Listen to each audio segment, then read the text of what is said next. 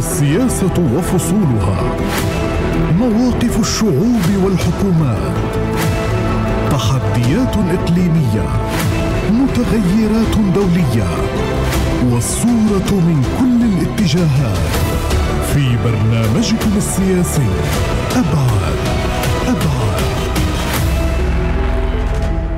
السلام عليكم ورحمة الله وأهلا بحضراتكم في حلقة جديدة وعدد جديد من برنامج أبعد.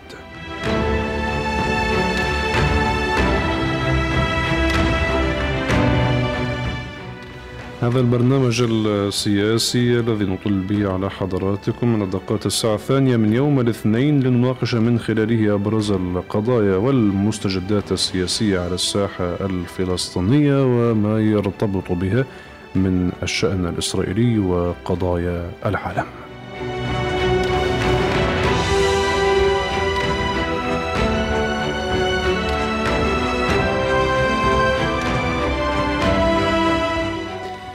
في هذا الأسبوع نتحدث عن الانقسام الفلسطيني. هذه الصفحة السوداء الصفحة الدامية بتاريخ الشعب الفلسطيني وأحداث الاقتتال الداخلي منذ عام 2007 وما تبعها.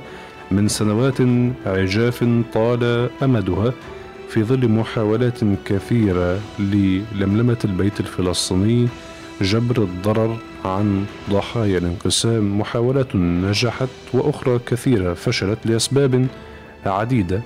نحاول أن نطرق بابا جديدا يفتح اليوم في غزة بالإعلان عن لجنة وطنية جديدة لمحاولة تحقيق العدالة الانتقالية لضحايا الانقسام.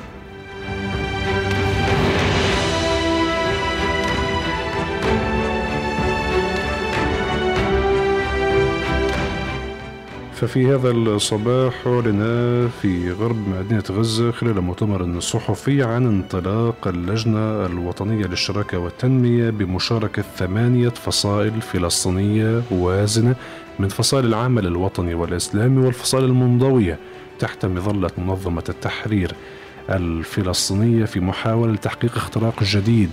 فيما يتعلق بجبر الخواطر وجبر الضرر عن العوائل الفلسطينية التي أدمى قلبها الانقسام وأوغل في حياتها وسرق من أعمار شبابها وأبنائها. محاولة جادة مشكورة يقودها تيار الإصلاح الديمقراطي بحركة فتح مع ثمانية فصائل فلسطينية على رأس حركة حماس حركة الجهاد الإسلامي الجبهتين الشعبية والديمقراطية والمبادرة الوطنية الفلسطينية والصاعقة.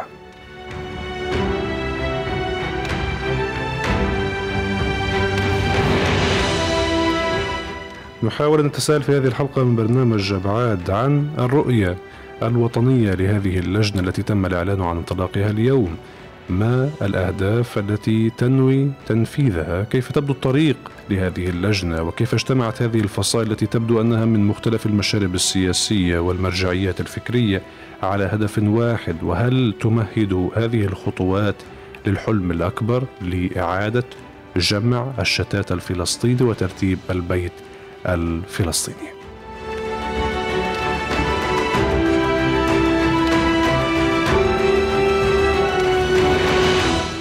معي ضيوف كارم في هذه الحلقة من برنامج بعاد. سينضمون إلي تباعا الدكتور أسامة الفر رئيس اللجنة الوطنية للشراكة والتنمية الدكتور سامر موسى الباحث القانوني والناشط الحقوقي الأستاذ طلال أبو ظريف القيادي بالجبهة الديمقراطية من غزة.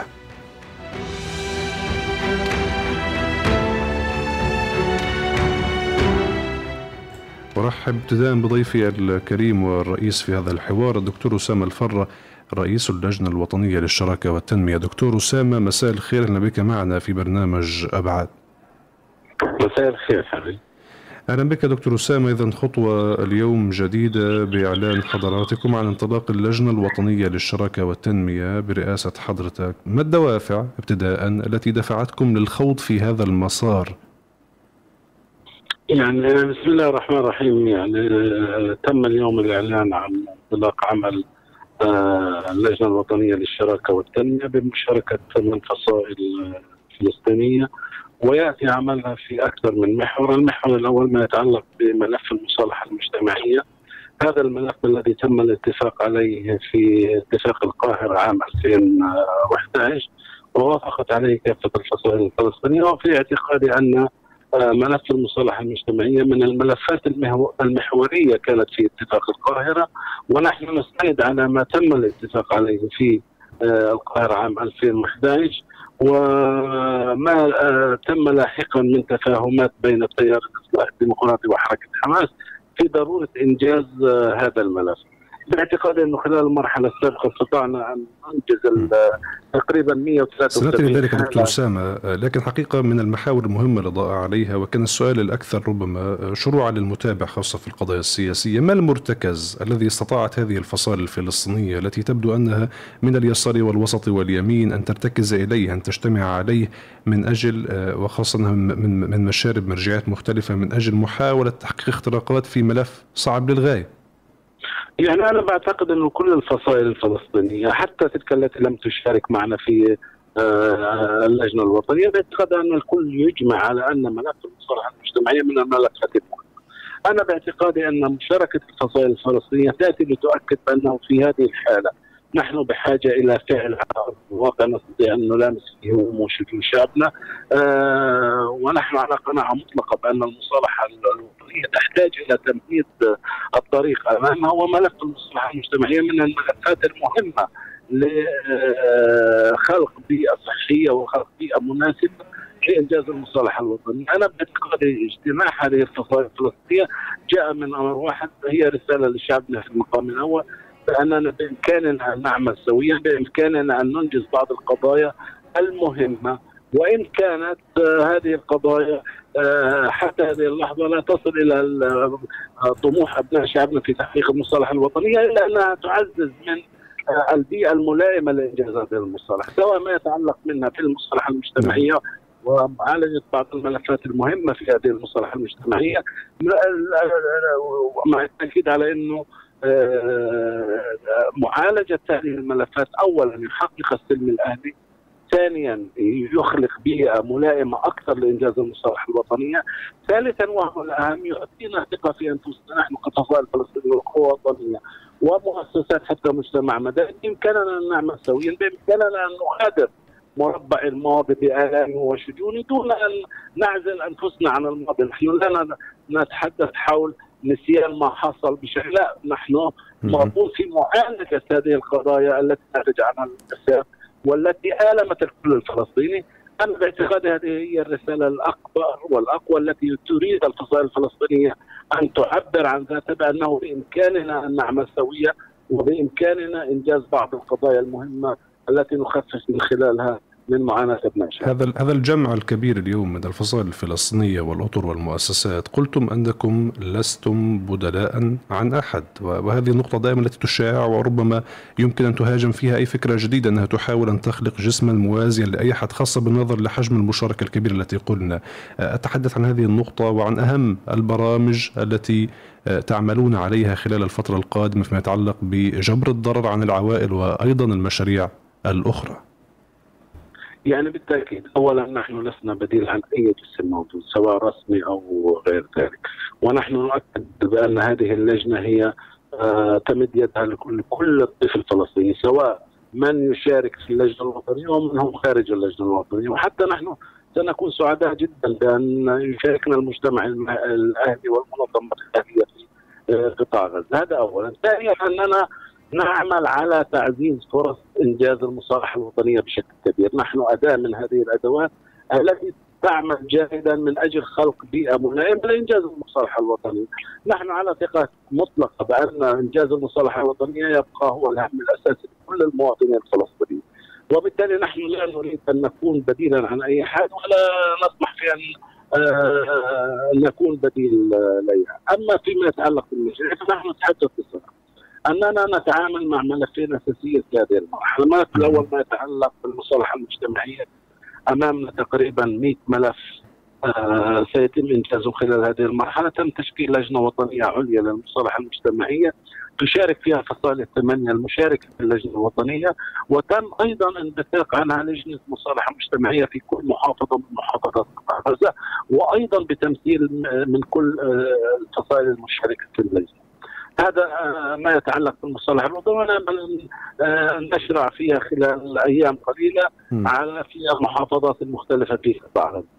أما الموضوع وطبعا هذا لا يعني أننا سنغلق هذا الملف حتى لاننا نطمح أن يكون هناك أيضا تواصل في موضوع الملف المصلح المجتمعي حتى لكافه الملفات. وفي هذه النقطة دكتور أسامة آه، اسمح لي فقط أن أقاطع حضرتك أن تتكلم في هذه النقطة. دائما يقال في المجتمع الفلسطيني هناك حقيقة نظرا للتجارب الكثيرة التي لم تنجح. نظرة تقول أنه إذا أردت أن تقتل أمرا ما شكل له لجنة.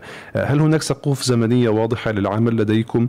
آه، لجان واضحة المسار والأهداف والرؤى بمعنى أننا سنشاهد خلال الفترة القريبة القادمة تحقيق منجزات عملية على الأرض بعيدا عن البيانات والإعلانات.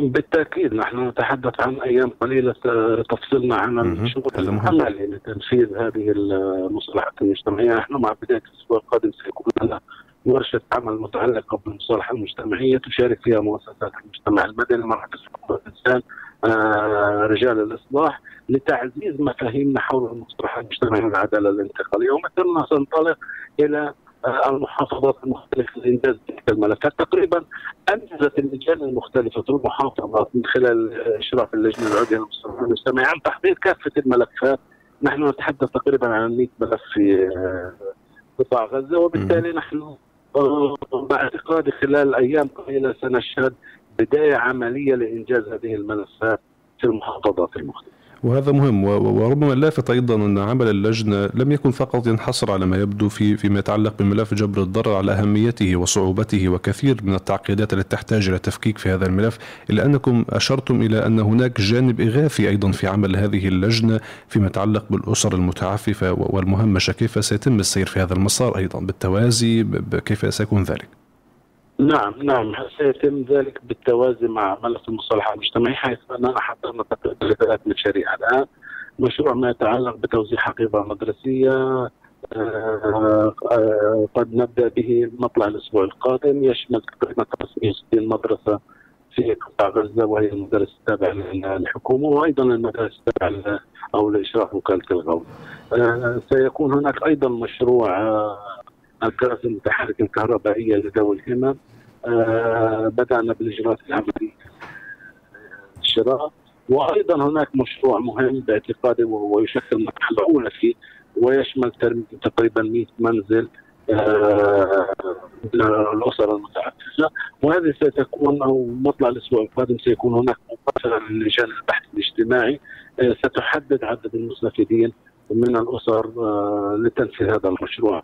أنا باعتقادي أن الأيام فقط أيام قليلة تفصلنا عن تنفيذ هذه المشاريع وليست هذه سوى بداية لعمل اللجنة الوطنية والتي نامل ان تتوسع في عمل المشاريع الدراسيه والتنمويه واؤكد هنا مرة أخرى على أننا مهتمون بالجانب التنموي في تنفيذ هذه المشاريع. وهذا مهم للغاية، أستثمر وجود حضرتك معنا أسألك حول آه، هذه اللجنة، هل عملها مؤقت يرتبط بمشروع معين وأم أنها هناك طموح لأن تكون آه، جسما يساهم في حل المشكلات الفلسطينية الكثيرة، طابور المشكلات الفلسطينية الطويل وصولا لتحقيق الحلم الأكبر المصالحة الوطنية الفلسطينية، في شق آخر من هذا السؤال، هذا جهد كبير وواضح. نتحدث عن أكثر من 170 حالة سابقا تم معالجتها خلال السنوات الماضية في أجسام وأطر أخرى واليوم تتحدث تتحدث حضرتك عن 100 حالة جديدة من قضايا الدم القضايا الأكبر والأكثر تعقيدا. يحتاج هذا الأمر إلى رافد كبير إلى إلى جهة داعمة تمول وتنظم من أبرز الشركاء الداعمين لهذا المشروع الوطني الكبير.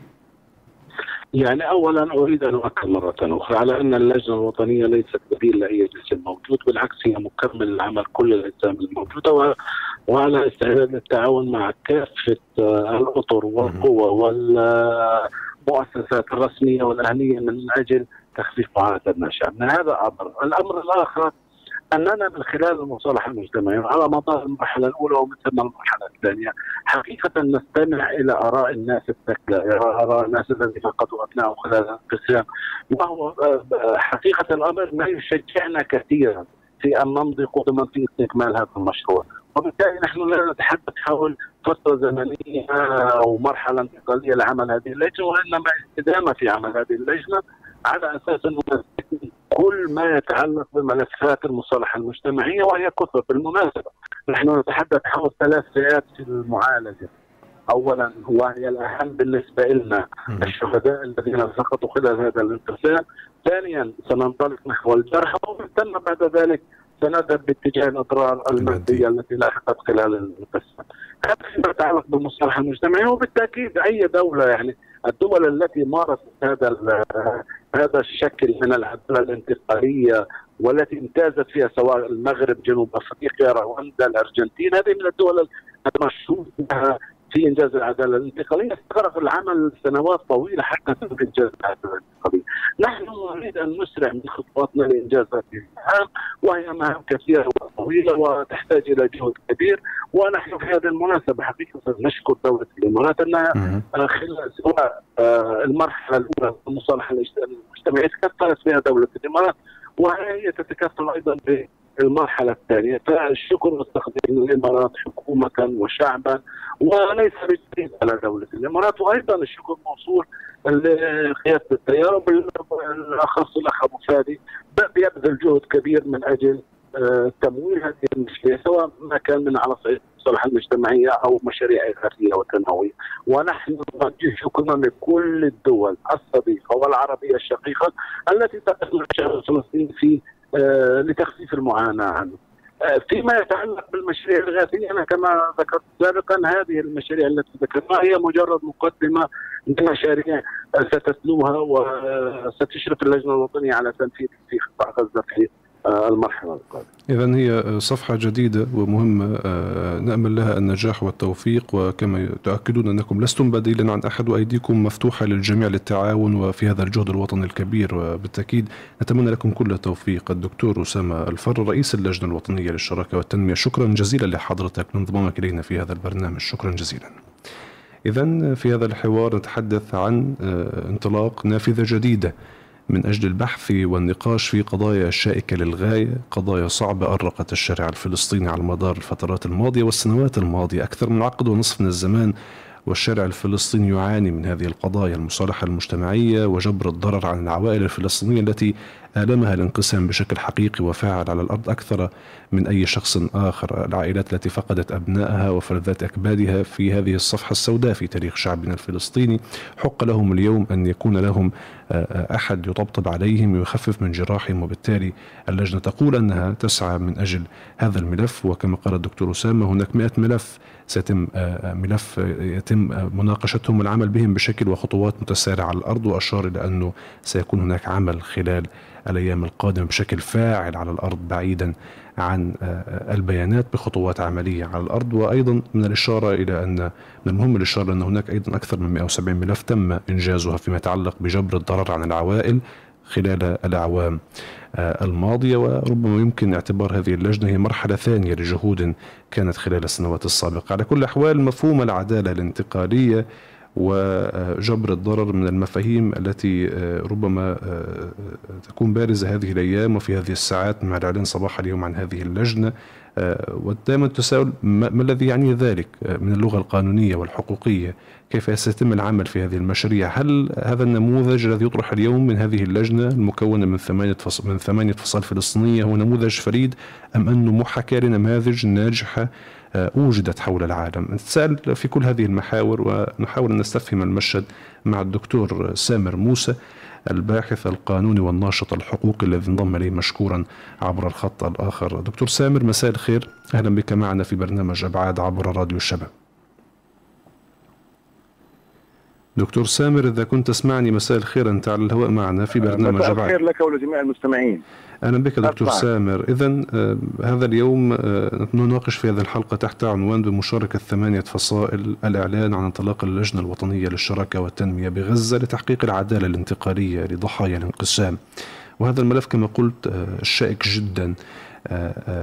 ومفهوم جديد يظهر في هذا الملف على الأقل في الشارع الفلسطيني العدالة الانتقالية. حضرتك كباحث قانوني كيف يمكن أن تشرح لنا وللمتابعين بإيجاز مفهوم العدالة الانتقالية؟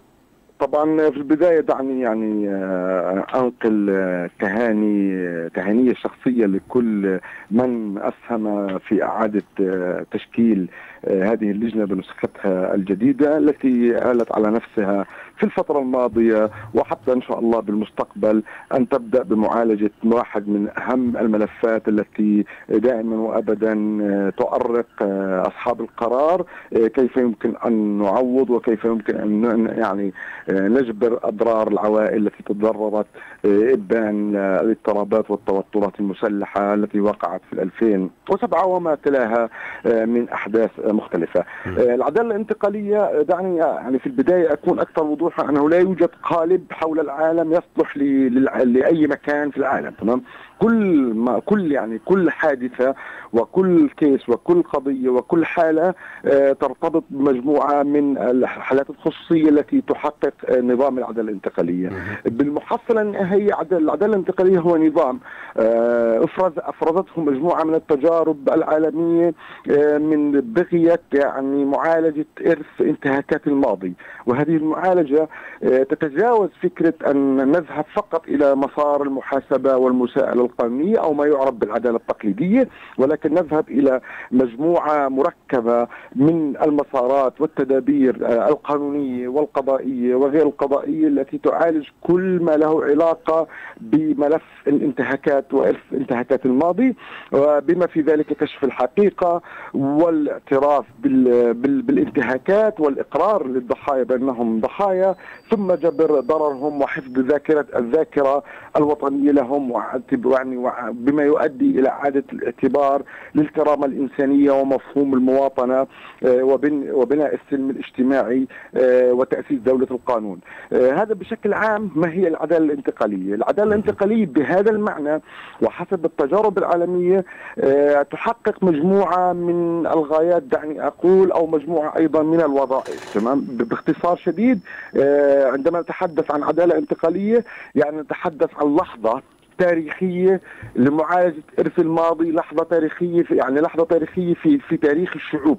عندما يقرر شعبا ما آه، وقع تحت ظروف استثنائية أن أن يتوقف عن هذه الظروف الاستثنائية وأن يبدأ ليس فقط بالتوقف ولكن يبدأ أيضا بمعالجة ما تركته السنوات آه، الاقتتال أو ما شابه ذلك فنحن نكون أمام لحظة تاريخية وأعتقد أن اليوم اليوم يشهد قطاع غزة وتشهد فلسطين آه، لحظة تاريخية جديدة من خلال اتفاق مجموعة من فصائل العمل الوطني السياسي آه، والإسلامي على بدء مسار أو تجديد المسار للمصالحة الوطنية.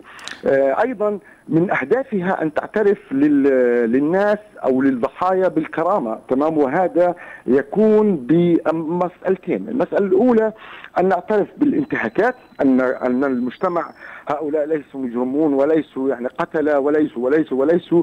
هؤلاء مجرد ضحايا ايا كان وصفهم وايا كان دورهم تمام مهما كان طبيعة دورهم. نحن نتكلم عن ضحايا آه، مباشرين أو غير مباشرين نعترف لهم بهذا بهذا المسمى.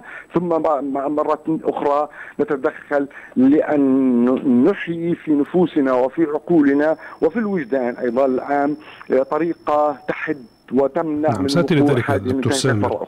آه، لكن الحديث عن عن هذا المفهوم يعني ما الذي أوجد الحاجة لإنشائه خاصة أنه يبدو أنه ليس مفهوما آه، قديما للغاية. آه، هناك يعني كما قرأنا في بعض الأبحاث أنه تم استخدامه بتشيلي في, في, في المغرب على ما يبدو وتم استخدامه في, في عام 75 آه، ما الذي ما الحاجة التي أوجدت؟ البحث عن نظام جديد لحل هكذا قضايا. وأيضا ما الركائز لنظام العدالة الانتقالية التي يسير وفقها والتي يمكن أن تسهم بنجاح هذا النموذج بتحقيق الأهداف المرجوة دكتور؟ جيد. آه، سؤال يعني مميز. الحاجة التي أوجدت أو التي أفرزت نظام العدالة الانتقالية هو الإدراك العام لدى كل الشعوب التي مرت بظروف استثنائية أن تطبيق ما يعرف بقواعد العدالة التقليدية التي تنحصر دائما وابدا في زاوية المساءلة الجنائية والملاحقة. تمام هذه التطبيقات لا يمكن أن تؤدي إلى النتيجة المرجوة ولكن سنكون أمام ضحية ومجرم تمام. وهذا لا يمكن أن يؤدي إلى حقيقة طي صفحة الماضي وبناء مستقبل أفضل. وبالتالي ابتكرت ما يسمى نظام العدالة الانتقاليه اللي زي ما حدثت حضرتك يقوم على مجموعة من الركائز المتكاملة. يعني دعني أقول بشكل واضح ليس لا يوجد ركيزة تشكل بديل عن الركيزة الأخرى ولكن هي متكاملة ويمكن ويمكن يعني في بعض الأحيان آه، أن يصار أن يصار تمام بتخفيف مسألة معينة هنا أو هنالك لمصلحة تحقيق الغاية الأساسية وهي تحقيق المصالحة أو تحقيق الوئام الاجتماعي. هذه الركائز أو الآليات كما يسميها البعض ترتكز على خمسه على على خمسة ركائز أساسية، أولها هي المحاسبة. ويعني المحاسبة هنا يعني ليس المحاسبه بالمفهوم التقليدي ولكن بقدر أن نكون نعرف من هو من هو يعني الضحية ومن هو آه، غير الضحية ومن هو ما الذي قام بالفعل وكيف قام بالفعل. تمام؟ وبالتالي نضعها على أجندة أعمالها من خلال ما يسمى إعادة التأهيل المؤسسي للمؤسسات التي انخرطت بشكل أو بآخر في الأعمال أثناء المرحلة الاستثنائية. ثم أيضا من جزء من الركيزة رقم اثنين للنظام العدالة هي الكشف عن الحقيقة وهذه يعني تعطى آه، قدر كبير جدا للضحايا أنفسهم أن يتحدثوا. يا أخي آه، عندما يعني آه، يتحدث الضحية أو يعطى مجال يتحدث ويستمع له المجتمع تمام؟ كل المجتمع يستمع له حتى من كان بالأمس القريب هو على خصام أو على يعني على عداوة معه إن صح التعبير تمام؟ هذا يريح كثيرا آه، الناس ويعطينا أيضا فكرة عن عن تجارب الآخرين من خلال كيف يمكن أن نمنحها مستقبلا. واحدة من أهم الركائز التي تعتمد عليها نظام العدالة الانتقالية هي جبر الضرر. وجبر الضرر آه، لا ينحصر فقط كما يعني يعني يعتقد البعض بجبر الضرر المادي لا لا لا, لا هو جزء. ولكن جبر الضرر بشكل عام ينعكس يعني أو يأخذ شكلين شكل الضرر جبر الضرر المادي وجبر الضرر المعنوي نعم. وجبر الضرر المعنوي يعتقد هو الأهم آه، من خلال أن يعني نقر لهؤلاء الناس أو هؤلاء الضحايا وذويهم نقل لهم بصفه المواطنة الكاملة. آه، آه، وثانيا يعني نحاول أن نجذب ثقتهم مرة أخرى في المجتمع. تمام؟ ثالثا أنه نعلن عن تضامننا عندما تعلن لجنة الشراكة والتنمية اليوم أنها ستدير 100 ملف جديد آه، إلى جانب ال 173 ملف التي نفذت سابقا نتحدث تقريبا عن 60% من الضحايا الموثقة حالاتهم في إبان الانقسام الفلسطيني. نحن مرة أخرى نحاول أن نحقق واحد من أدوات آه، العدالة الانتقالية وهي كسب ثقة هائل هؤلاء العائلات وضحاياهم آه، من خلال هذا الموضوع تمام؟ يعني بالشكل الآخر أنه جبر الضرر ليس فقط جبران للضرر المادي ولكن هو عملية آه، متصلة تؤدي في المنتهى إلى إعلان المجتمع تضامنه مع الضحايا. من أجل تلخيص هذه النقاط التي ربما آه، يبدو أنها بالجانب القانوني بشكل أكبر للناس يمكن القول أن هذا هذا النموذج العدل الانتقالي الذي ليس ليس وليدا للحظة ولم ولم يخترع من قبل هذه اللجنة التي أعلنت عن نفسها اليوم بل هو نموذج موجود في العالم ويمكن تكييفه على واقع قطاع غزة وهذه الصفحة الدامية في حياة شعبنا الفلسطيني خاصة بأنه آه، هذا النموذج على على يعني كما فهمت من حضرتك وصححني إن كنت مخطئ في هذا السياق أنه يأتي في حالات لا يعرف من هو بالتحديد آه، آه، المجرم وربما يكون أكثر سهولة أن نعرف من هو الضحية وفي هذا النموذج يكون يمكن تكييفه في هذه الحالة أليس كذلك؟ أحسنت. وأنا أؤيد كل كلمة قلتها. فعلا آه نحن أمام مرحلة آه نحاول من خلالها آه يعني تطويع النماذج الدولية بما ينسجم مع الحاله الفلسطينية وتعتبر جبر الضرر أو المصالحة المجتمعية هي واحد من أوائل ركائز آه، تحقيق النظام العداله الانتقاليه وصولا إلى تحقيق ما يسمى بالإصلاح آه، الكامل والشامل الذي من شأنه أن يحد مستقبلا على الإطلاق من وقوع هذا الموضوع. آه، في ظلال ما تحدثت فعلا نحن نتحدث عن طريقة فلسطينية ولكن ليس اختراعا فلسطينيا، هو ليس يعني المصالحة المجتمعية ليس اختراعا فلسطينيا ولكن هو طريقة فلسطينية آه، تنسجم مع ما تحدث زائد أنها تنسجم بشكل واضح وبشكل حتى نكون أكثر وضوحا مع أنفسنا. تنسجم مع يعني ترك سياسة مراوحة المكان فيما يتعلق بالمصالحة السياسية. نحن نعيش اليوم السنة السابعة عشر من الانقسام. تخللها عشرات الاتفاقيات السياسية التي لحتى اللحظة تتراوح المكان والضحايا لا ينتظروا كثيرا. يعني نحن البديل البديل نعم. تاع انتظارنا أن نسمح للضحايا أن يقتصوا حقوقهم بأنفسهم لا سمح الله نحن نتدخل أو يتدخل المجتمع دائما وأبدا ليسعى من خلال هذه الأدوات آه التي تعتمد على مبدأ ما يسمى عندنا بلغة القانون يعتمد على مبدأ تعددية الآليات ومبدأ الشرعية. نحن نكتسب أو أي نموذج يكتسب الشرعية من خلال آه، يعني الرغبة المجتمعية. أنا يعني تدارك لعلمي أن المئة ملف التي ترغب أو تنوي أو تقرر اللجنة أو قررت اللجنة العمل معها جميعهم يرحبون. ال 173 السابقين رحبوا. ونحن نكتسب شرع أو هذا العمل يكتسب شرعية دائما آه، شعبية من خلال قبول المجتمع لأن يبدأ هو والآخرين ايا كانوا الآخرين اسمهم لجنة اسمهم إيش ما يكون تمام؟ ايا كانوا تمام؟ يكونوا معه في إطار بداية طي صفحة الماضي بشكل لا يمكن نبشها ولا يمكن أن نسمح بنبشها بأي شكل من الأشكال. عندما نتحدث عن هذا نتحدث عن فرصة كبيرة وفرصة تاريخية كما قلت آه يجب أن يعني يغتنمها المجتمع الحقيقة لأن الوقت ضيق. يعني أتمنى أن أحاول أن أستثمر مع حضرتك كل الوقت لأن الوقت ضيق. معي أسأل في فيما يتعلق هل برأيكم وحسب المتابعة آه، لهذا الملف كان عامل آه، أو فقدان عامل جبر الضرر ومحاولة تعويض الضحايا والمتضررين بجانبيه المعنوي والمادي من الأحداث المؤسفة عام 2007 هل هل كان في المحاولات الكثيرة السابقة عاملا لم يأخذ حقه بالشكل الكافي وربما بشكل ما يمكن القول أنه أسهم بعدم تحقيق الحلم الأكبر بجمع البيت الفلسطيني وتحقيق المصالحة الفلسطينية؟ الفلسطينية وفي دقيقة لو تكرم حتى لا حتى لا نحمل المصالحه المجتمعية أكثر ما تحتمل، بالحقيقة ما حدث في اللجنة السابقة آه، أنها أدت دورها في 173 ملف ونتوقع أن تؤدي هذه اللجنة دورها في 100 ملف هي أدوات من شأنها أن أن تبعث الأمل في المجتمع ثم أن تضغط بشكل كبير جدا على صناع القرار للمضي قدما نحو تحقيق المصالحة المجتمعية، آه، عفوا المصالحة السياسية بشكل عام وتحقيق الشراكة.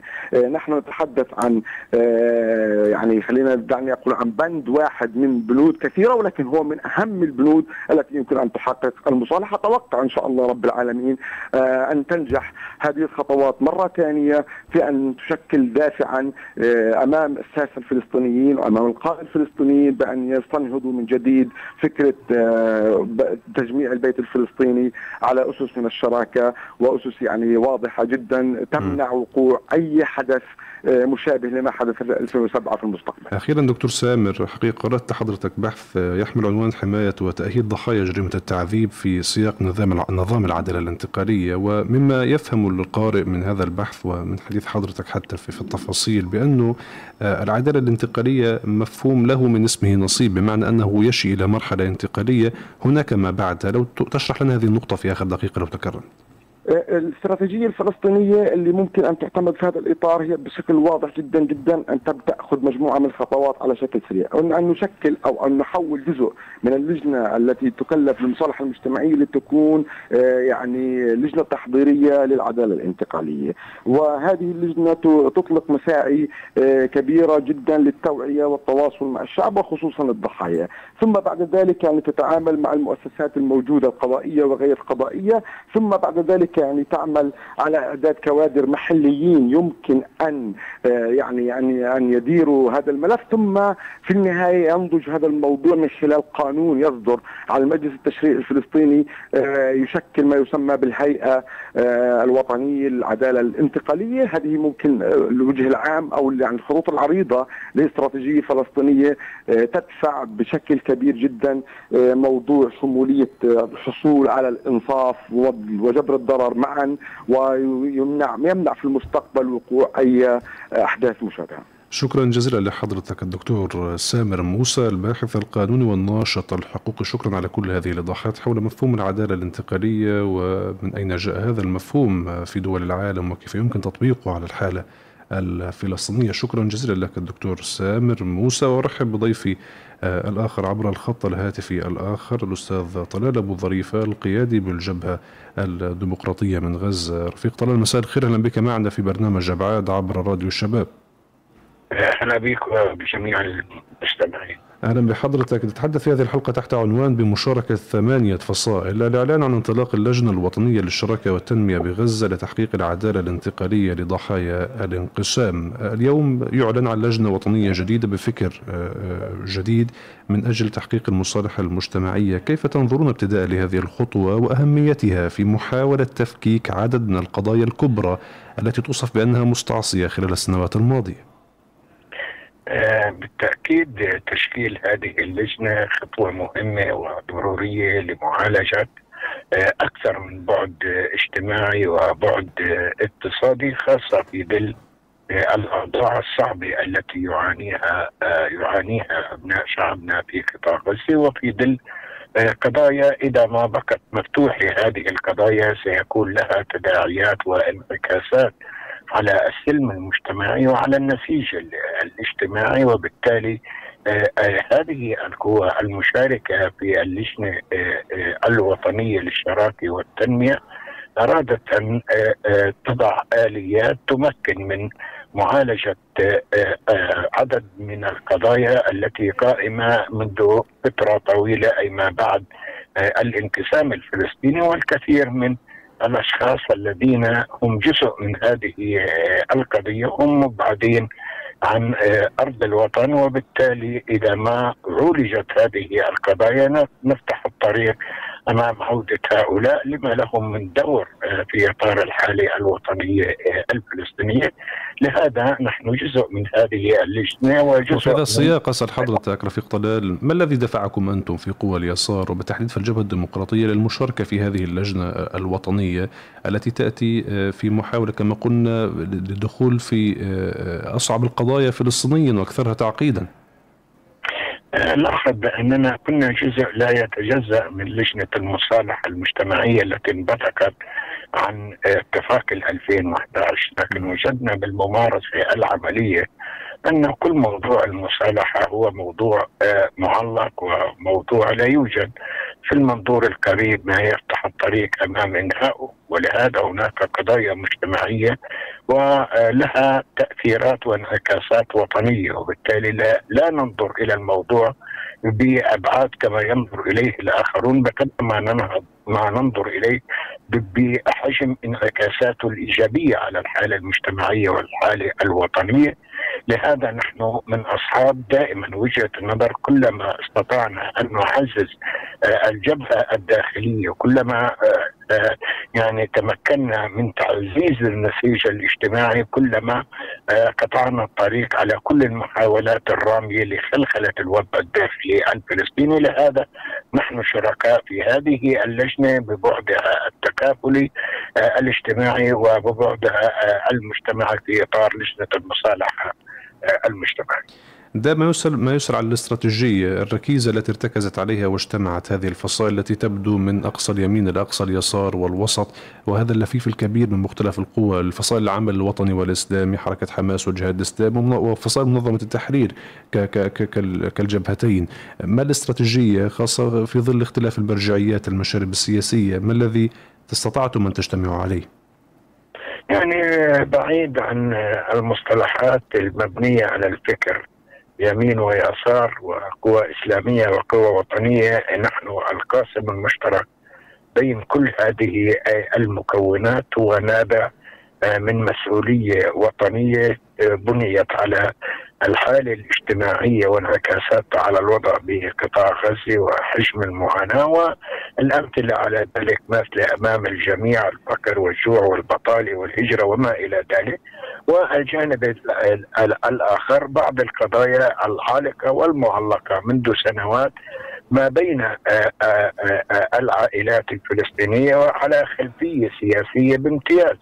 هي خلفية الانقسام الفلسطيني وما جرى وما جرى فيه. وبالتالي لا يمكن أن ننعزل وطنيا عن المساهمة في معالجة هذه القضايا. أنا أعتقد وجهت الدعوة إلى الجميع لكن من لبى الاستعداد كأن يكون جزء آه، من هذه اللجنة الوطنية للشراكة والتنمية هي القوى التي آه، ذكرتها ولهذا سنعمل معا وسندعو الجميع لأن يعمل مع هؤلاء مع هذه اللجنة لكي نفتح الطريق أمام معالجة ما يمكن معالجته من القضايا الاجتماعية والمجتمعية سواء في ترميم آه، المنازل أو في آه، سواء يعني آه، بعض التقديمات الاجتماعية لطلبة المدارس وغيره من هذه القضايا أو المعاقين بفعل عدوان الاحتلال. كل هذا واجب وطني وعندما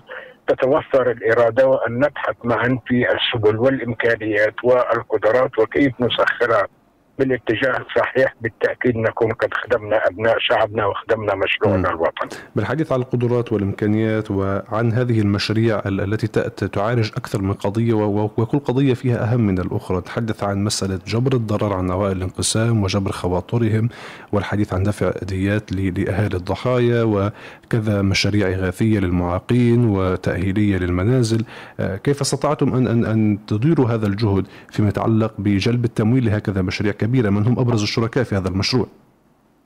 يعني الشريك الرئيسي والأساس هم الأخوة في التيار آه، الإصلاح الديمقراطي لحركة فتح بالتعاون آه، مع العديد آه، من الدول ومسألة جبر الخاطر مسألة ليست بالعينة هي المسألة ليست مادية بقدر ما يشعر هؤلاء بأن هناك تقدير آه، لما يمكن أن يقدموا عليه أصحاب هذه آه، آه، القضايا لجهة كيف يمكن لنا أن نعالجها. معا وكيف لا لهذه اللجنة انطلاقا من ما قدموه هؤلاء من خطوات إيجابية كيف يمكن رد الإيجابي بالإيجابي وجبر خاطر هذه العائلات ليس على قاعدة المال وإنما على قاعدة على قاعدة الاحتضان ومعالجه ما يمكن أن يتم معالجته من الجانب المالي للأسرة للعائلة لعائلة الفقيد وهذا جزء آه، من الواجب. وأنا أعتقد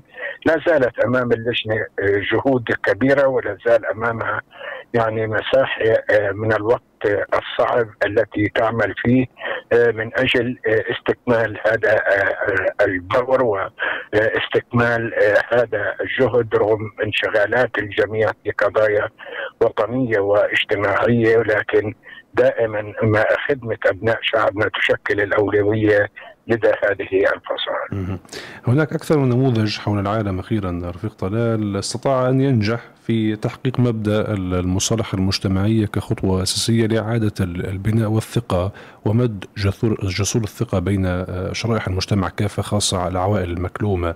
آه، آه، ومن بعد ذلك الذهاب بخطوه أكبر، هل برأيكم يمكن استثمار هذه الفرصة من أجل يعني اصطفاف القاعدة جعلها قاعدة متماسكة الشارع الفلسطيني أقصد من عوائل الضحايا وبعد ذلك البناء بشكل حقيقي وفاعل في محاولة لتسجيل اختراق جديد وأكبر للحلم الأكبر للمصالحة الوطنية الفلسطينية العامة، هل يمكن البناء على هذا؟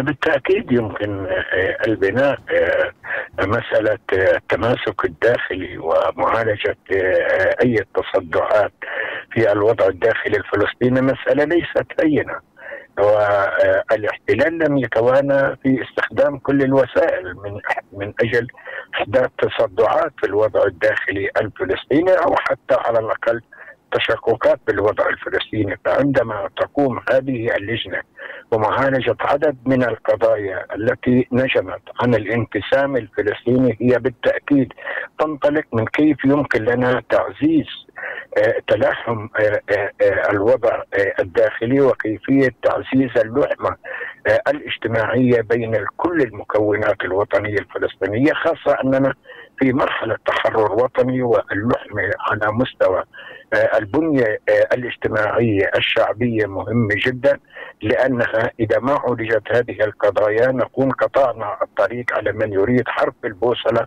نحو التباينات الداخلية الفلسطينية الفلسطينية وتعزيزها وتعميقها لصالح أن تكون كلها موجهة نحو الاحتلال ومستوطنيه ولهذا الدور الذي انطلقت منه هذه اللجنة هو بعد وطني بامتياز. بتجلياته وركائزه الاجتماعية والاقتصادية شكرا جزيلا لك الأستاذ طلال أبو ظريف القيادي بالجبهة الديمقراطية. كنت معي مشكورا عبر الخط الهاتفي من غزة وبالتوفيق لكم في هذه اللجنة وفي كل جهد فلسطيني يكون الهدف منه إعادة ترتيب البيت الفلسطيني وإعادة اللحمة الوطنية الفلسطينية وترتيب هذا البيت الذي مزقته سنوات الفرقة الطويلة وجبر الضرر عن الفئة التي تعرضت كثيرا للإيذاء خلال فترة دامية وسوداء من تاريخ شعبنا الفلسطيني.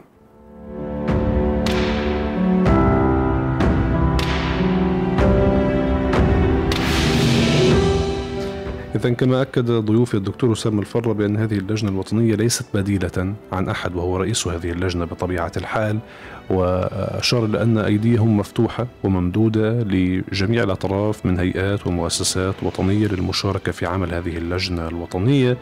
آه، وقال إنهم يستهدفون في هذه المرحلة 100 عائلة من عوائل المكلومة التي فقدت أبنائها في الأحداث المؤسفة عام 2007 وبالإشارة لأن هذا الجهد ليس جديدا بمعناه الحقيقي لأن هناك مرحلة أولى كانت تم استهداف من خلالها 173 حالة على الأقل تم تحقيقها وجبر الخاطر لعائلات الضحايا.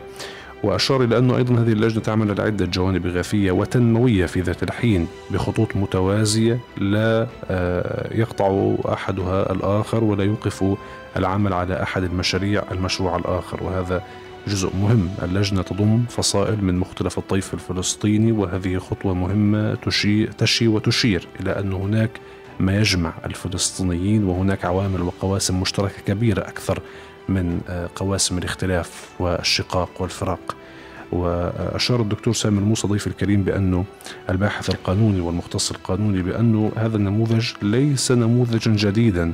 في العالم بل إنه ربما نموذج جديد فلسطينيا بطريقة فلسطينية لكنه نموذج حقق أهداف في عدة دول في العالم قبل ذلك ويأتي من الفهم العام لأن لجبر خواطر الناس يحقق مكاسب مجتمعية كبيرة من أي جهة تقود هذا الجهد.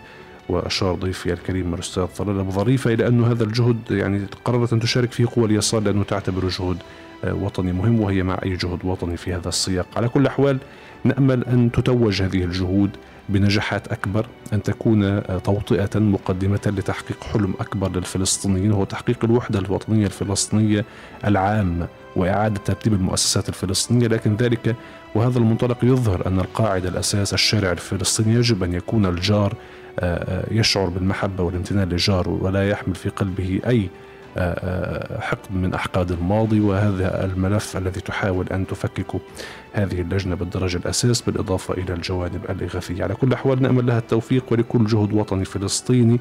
الهدف منه ترتيب البيت الفلسطيني. إذا كانت هذه حلقتنا من برنامج أبعاد في هذا اليوم.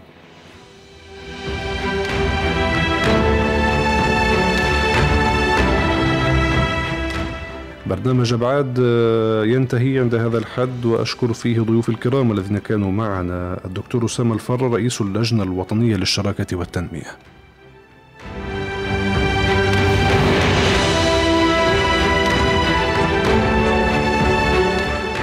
الدكتور الدكتور سامر موسى الباحث القانوني والناشط الحقوقي جزيل الشكر له الدكتور سامر موسى.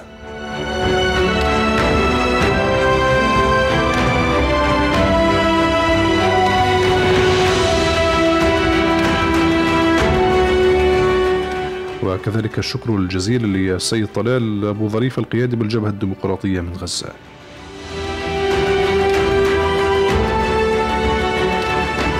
هذه الحلقة مستمعينا الكرام ومتابعينا من برنامج أبعاد والتي جاءت تحت عنوان بمشاركة ثمانية فصائل الإعلان عن انطلاق اللجنة الوطنية للشراكة والتنمية بغزة لتحقيق العدالة الانتقالية لضحايا الانقسام تصل لختامها. وفي ختامها أشكركم جزيل الشكر على حسن المتابعة. آملا أن نلتقي دائما على خير أينما سمعتم هذا الصوت. دمتم في أمان الله وحفظه. السلام عليكم ورحمة الله. السياسة وفصولها. مواقف الشعوب والحكومات. تحديات إقليمية. متغيرات دولية.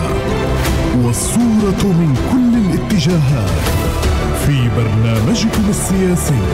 أبعاد أبعاد